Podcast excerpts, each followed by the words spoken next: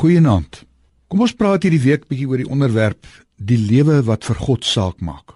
Ons is dikwels maar 'n bietjie negatief oor die wêreld waarin ons woon. Veral oor die dinge wat die lewe vir ons moeilik maak.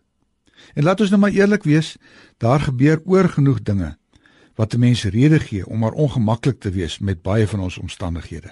Ek wonder net of ons elke dag genoeg aandag gee aan God se rede waarom ons in hierdie wêreld moet wees. Weet jy wat sy plan met jou in hierdie wêreld is? Luister bietjie wat sê die skrywer van die skepingsverhaal in Genesis 2 vers 7.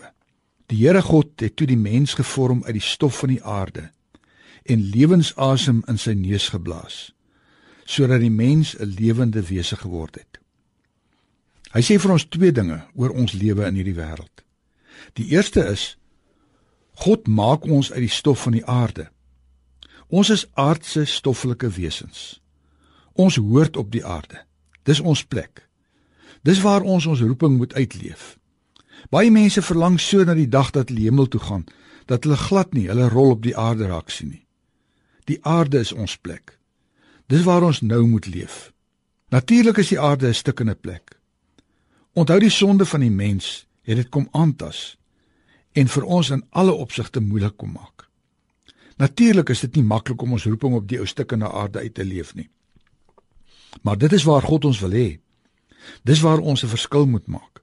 Die tweede belangrike ding wat die geskiedskrywer vir ons van God kom sê, is dat God ons lewende wesens kom maak met sy eie asem. Ons leef nie net op God se aarde en vir sy doel nie, maar ons leef ook met God se asem in ons neuse. Hy stel ons in staat om te lewe met sy asem. Is dit nie genoeg om al oor opgewonde te wees nie? As jy dalk 'n bietjie moedeloos voel oor die dag wat verby is, onthou, jy's op God se aarde en jy leef met sy asem. Leef daarom elke dag sy aarde en sy asem sodat hy opgewonde oor jou kan wees.